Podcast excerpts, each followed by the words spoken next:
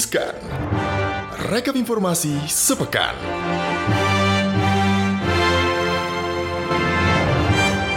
Sobat Cuan, saya bingung mikirin opening pantun. Jadi langsung aja bilang welcome back to cuap-cuap cuan di Rizka. Rekap informasi sepekan, ada Ali. Ada Gibran juga. Tentunya kita akan bagikan sejumlah informasi yang menjadi atau paling banyak dibaca, diklik oleh anda-anda semua sobat-sobat cuan kita di cnbcindonesia.com. Betul, yang pertama nih berita baik ya Kak ya, kayaknya ya Jadi judul artikelnya adalah Top Pak Jokowi, ekonomi Indonesia terbaik kedua di dunia setelah China Wow Ih, Gembira nih saya ya. Mm-mm. Jadi kak ya di tengah krisis karena pandemi COVID-19 ini perekonomian Indonesia dan juga dunia ya sebenarnya memang agak lesu gitu. Tapi perekonomian Indonesia ini diproyeksikan akan mencatatkan pertumbuhan yang mengesankan.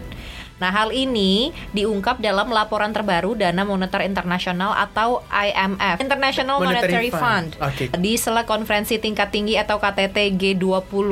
Nah, IMF bilang nih kalau pertumbuhan ekonomi Indonesia di tahun ini terbaik kedua setelah China. Jadi di kondisi buruk ini kita pertumbuhan ekonominya masih tetap baik gitu ya, Kak ya. Betul sekali. Nah, kalau kata Bu Sri Mulyani nih, Indonesia di antara kelompok G20 ini pertumbuhan ekonominya masih terbaik kedua setelah China gitu. Dan Sri Mulyani juga bilang kalau kondisi perekonomian global ini memang menghadapi tekanan yang luar biasa sepanjang 2020. Dan perekonomian seluruh negara termasuk anggota G20 pun mengalami kontraksi gitu. Betul. Nah, kalau Indonesia nih lumayan Kak ya. Jadi sebagai informasi kuartal 2 2020 pertumbuhan ekonomi Indonesia itu memang minus 5,32 persen Mhm. gitu. Nah kuartal ketiganya ada perbaikan Kak sebenarnya walaupun masih minus. Betul. Tapi minusnya ini eh, nurun ya. Turun, turun. Turun gitu. Tapi eh, ya Tetap minus juga sih sebenarnya. tetap minus juga gitu jadinya minus 3,49 persen tapi dari minus 5,32 persen ke minus 3,49 persen ini berarti ada peningkatan ada Betul sekali. Jadi artinya kita ekonominya. udah bangun gitu ya, bangun dari keterpurukan ini gitu kan. Dan diharapkan juga di kuartal 4 terus di kuartal 1 2021 kita udah mulai bangkit. Jadi bukan bangun lagi kucek-kucek mata gitu kan. Udah sadar sepenuhnya berdiri gitu ya, Kak, sadar ya. sepenuhnya kalau kita akan terus maju sebagai negara yang baik. Nah, berbicara soal bangkit atau bangun, ini ada 24 saham gocap yang bangun dari Hmm. tidurnya. Wow. Ini nih akhir-akhir ini kan kita lihat tuh kalau indeks harga saham gabungan itu melesat setinggi-tingginya kan. Hmm. Jadi banyak saham-saham yang sudah tidur selama ini di level terendah mereka yang diizinkan oleh regulator berhasil bangkit. ada yang bilang saham nyender gitu Bener. ya ada yang bilang saham Nah, jadi ini tidur. bukan jatuh tak bisa bangkit lagi, tapi dia bisa bangkit lagi gitu kan. Eh, tentunya dari harga terendah mereka yang diizinkan oleh Bursa Efek Indonesia adalah Rp50 per unit sahamnya. Ini berhasil melesat bahkan ada yang sampai puluh-puluhan persen. Kemarin ada yang sampai uh, 45 persen dalam satu hari. Cuy. Luar biasa ya, Benar. Kak, Jadi ya. kalau Anda taruh duit banyak, banyak juga cuan Mm-mm, Anda di situ ya. Jadi meskipun memang secara kasat mata saham-saham gocap itu tampaknya Menarik menarik, gitu begitu ya, ya, karena menawarkan return yang sangat tinggi bisa mencapai 100% bahkan ya. Nah, bisa juga lebih kepada investor melakukan pembelian di pasar negosiasi dengan harga di bawah Rp50 unit saham. Jadi saham-saham ini sebenarnya tergolong memiliki resiko yang sangat besar. Hmm, Ingat harganya ya. murah gitu ya tapi ada resikonya kak Benar, Hmm, investasi aja, Kak, itu adalah high risk high return ya. Jadi di tengah potensi keuntungan yang jumbo, tentunya ada potensi kerugian yang besar. Hal ini juga karena ketika membeli saham gocap, ada kemungkinan kalau saham tersebut bisa tetap tidur lama dan tidak kunjung naik Nah. harganya. Jadi kita nggak tahu gitu uang kita diinvestasikan gitu. Jadi artinya alias nyangkut gitu Mm-mm, duitnya. pas mau keluar gitu ya pas mau dijual saham itu ternyata harganya mungkin turun atau Benar. segitu-gitu aja jadi, nggak cuan memang itu ada potensi rugi yang uh, besar gitu akibat delisting dari BEI apabila saham ini udah diem level gocap selama 2 tahun gitu atau udah nggak beroperasi lagi jadi BEI mempertimbangkan untuk menghapus pencatatan saham ini jadi gini nih guys kalau anda beli saham gocap terus udah naik 60% jangan jumawa jualan gitu. jangan ditunggu sampai 100 gitu Eh, buru take profit potensi, potensi naiknya ya mungkin ada gitu kan tapi nggak ada yang tahu gitu kan bisa aja dia Bener. stuck di situ atau mungkin dia turun lagi tidur lagi ke 50 Betul ada kemungkinan sekali. juga di delisting, Delisting. Kalau udah tidur udah 2 dua tahun, gitu kan. tidur mulu gitu ya Tidur digocap lu. aja Mm-mm. Lu tidur di sekolah juga diusir gitu kalau udah 2 jam gitu. Nah, list saham gocap mana aja nih yang bangun tidur itu bisa dilihat di www.cnbcindonesia.com gitu ya. Betul sekali. Tapi Kak, ini juga yang terlihat dan terpampang nyata Kak, kasus harian COVID-19 di Indonesia ini tembus 5000 Kak. Oh really? Iya, jadi Satgas COVID-19 ini mengeluarkan warning atau peringatan. Jadi kasus positif di Indonesia, kasus COVID-19 ini gitu ya, eh, Sobat Cuan ya, terus bertambah dan mencapai 5.000 kasus selama tiga hari berturut-turut nih dari kemarin.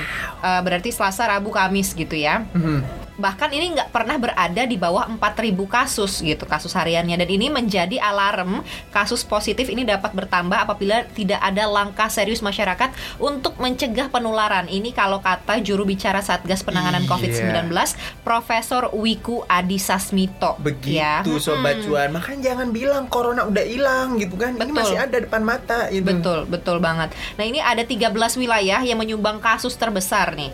Eh, ada antara lain ini ada Aceh, di kemudian juga ada Sumatera Utara, Sumatera Barat, Riau, DKI Jakarta tentu saja ya, Jawa Barat, Jawa Tengah, Jawa Timur, Bali, Kalimantan Selatan, Kalimantan Timur, Sulawesi Selatan dan juga Papua di kota Jayapuranya, Kak. Wih, ini nih kalau anda yang berada tinggal-tinggal di situ tuh harus lebih hati-hati gitu Ekstra ya. Tetap hati-hati. uh, gunakan protokol kesehatan gitu, pakai Betul. masker, jangan ke mana-mana nggak pakai masker gitu kan, apalagi nggak pakai baju Iya. gitu masuk angin. Ingat sobat cuan corona itu masih ada ya. Virusnya itu baru eh virus sorry, vaksinnya itu masih dalam proses walaupun katanya minggu depan itu akan didistribusikan, tapi Aha. itu belum divaksinasi gitu kita. Belum tentu juga anda langsung dapat cuy.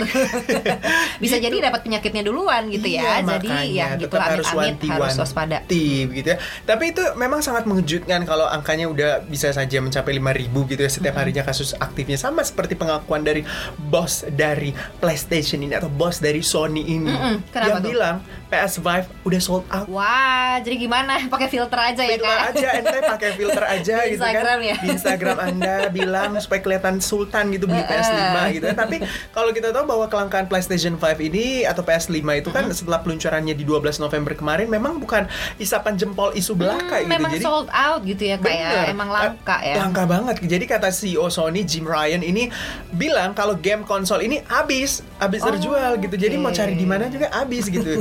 Jadi kata Jim Ryan itu kan eh, menurutnya eh, ini pernyataannya di media Rusia gitu kan. Ha-ha. Jadi setelah ditanya soal penjualan eh, PS5 gitu. Jadi katanya Di semua habis. negara itu udah sold out gitu ya, Jadi Kak, benar-benar ya. habis terjual. Di Rusia bakal habis gitu kan. Sampai dos-dosnya juga habis gitu. Iyalah dibeli pakai dos Ah, gitu kan. Dan katanya dia kapok ya kak ya Kapok bahwa ah, ah, kapok kak. Jadi dia tuh tidak akan merekomendasikan untuk meluncurkan produk baru di tengah pandemi global. Dia bilang karena demandnya memang meningkat, tapi produksinya itu terhambat. Benar. Gitu, Jadi eh, sebenarnya dia udah melihat eh, potensi cuan di depan mata.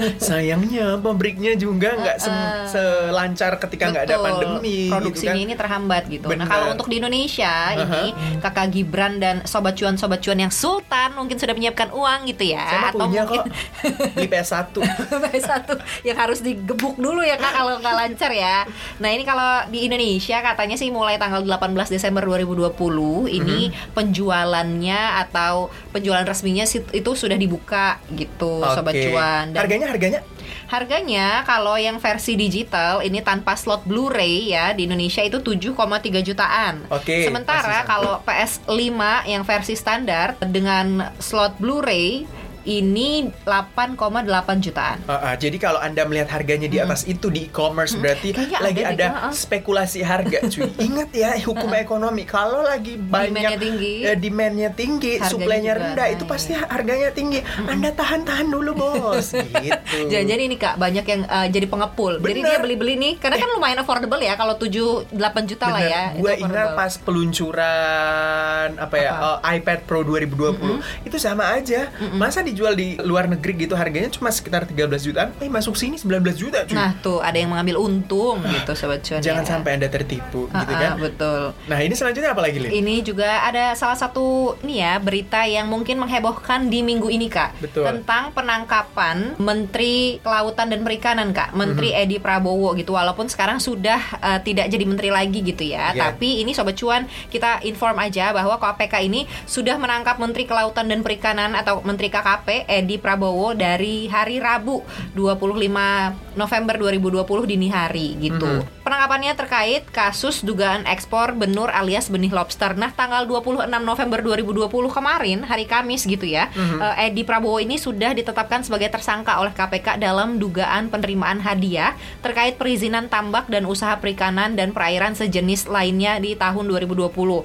Nah, ini untuk informasi aja Sobat Cuan ya, selama masa kepemimpinan Pak Edi ini, dia telah mengizinkan kegiatan ekspor benih lobster hingga totalnya itu satu triliun dalam waktu empat bulan Aduh, aja gitu Pak ya. Edi, Empat bulan Pak lah ya, kurang lebih dari Juli sampai November gitu ya. Heeh. Jadi kalau dari catatan Direktorat Jenderal Bea dan Cukai, total nilai ekspor benih lobster Indonesia itu mencapai 74,28 juta US dollar atau sekitar 1,04 triliun rupiah itu kalau kurs 14.000 gitu ya. Heeh. Jadi nilai itu didapatkan dari ekspor sebanyak 42 juta ekor benih lobster. Pak Edi, Pak Edi, itu sebenarnya sangat disayangkan sih karena kalau kita tahu eh, itu yang tercatat ya bahkan mungkin kalau kita tahu ada yang ilegal juga Betul. sebenarnya. Jadi sebenarnya Vietnam itu dapat ilegal, dapat pula yang legalnya. Untung di dia betul, gitu kan kita nggak dapat apa-apa. Padahal sebenarnya pelarangan ekspor benih lobster ini gitu ya Uh-uh. kak yang paling eh, sangat dilarang gitu Betul. sama Bu Susi dulunya. Benar. Nah, ini pengamat ekonomi kelautan nih, Pak Suhana tuh kemarin pernah bilang katanya gini, kalau aja orang Indonesia juga mau sabar aja, karena kan ekspor Agak gede dikit Iya, gitu jadi ya, Kak gini, ya. kalau di Vietnam itu kan 8 bulan, terus langsung panen jual ke China. Kalau kita itu butuh setahun lah. Jadi kayak sabar aja beberapa bulan gitu, terus Uh, nanti baru dijual meningkat, harganya lebih meningkat gitu. gitu. Sama kalau beli saham, sabar-sabar dulu. Jangan langsung kamu mau Jangan naik gitu ya. naik berapa langsung TP gitu ya, langsung taking profit gitu. Kesabaran itu adalah temannya investor katanya Benar. segitu quote Sabar kunci utama Anda menuju kesuksesan. Bet- Kuat Gibran. 2020 ya kak ya Itu aja Sobat Cuan Kita berharap Sobat Cuan tetap sabar Sabar. Tetap juga tawakal Benar. Menjalani kehidupan ini Dan tetap menerapkan protokol kesehatan Please, please, please Sobat Cuan Kita ini daruratnya adalah darurat kesehatan Betul. Gitu ya Dan uh, virusnya itu masih ada Ancaman kesehatan kita Gitu uh, Oleh virus corona ini masih ada di sana Masih nyata gitu Walaupun sekarang mungkin Sobat Cuan Ada yang udah ngantor lagi gitu ya Ada yang sudah beraktivitas seperti biasa Tapi please Protokol kesehatan itu harus selalu dijalankan Dan diingat, ingat, ingat Nggak boleh dilupa gitu Betul sekali. Oke, kita mau pamit dulu karena kita mau malam mingguan hari ini. Eh salah Malam malam Sabtu, malam sih, Sabtu. Besok udah libur, besok pula juga udah. Cek rekening Anda. Oh iya gajian Atau ada yang udah gajian sih dari sekarang Bener. Selamat gajian kalau gitu Happy weekend juga Bye bye. Bye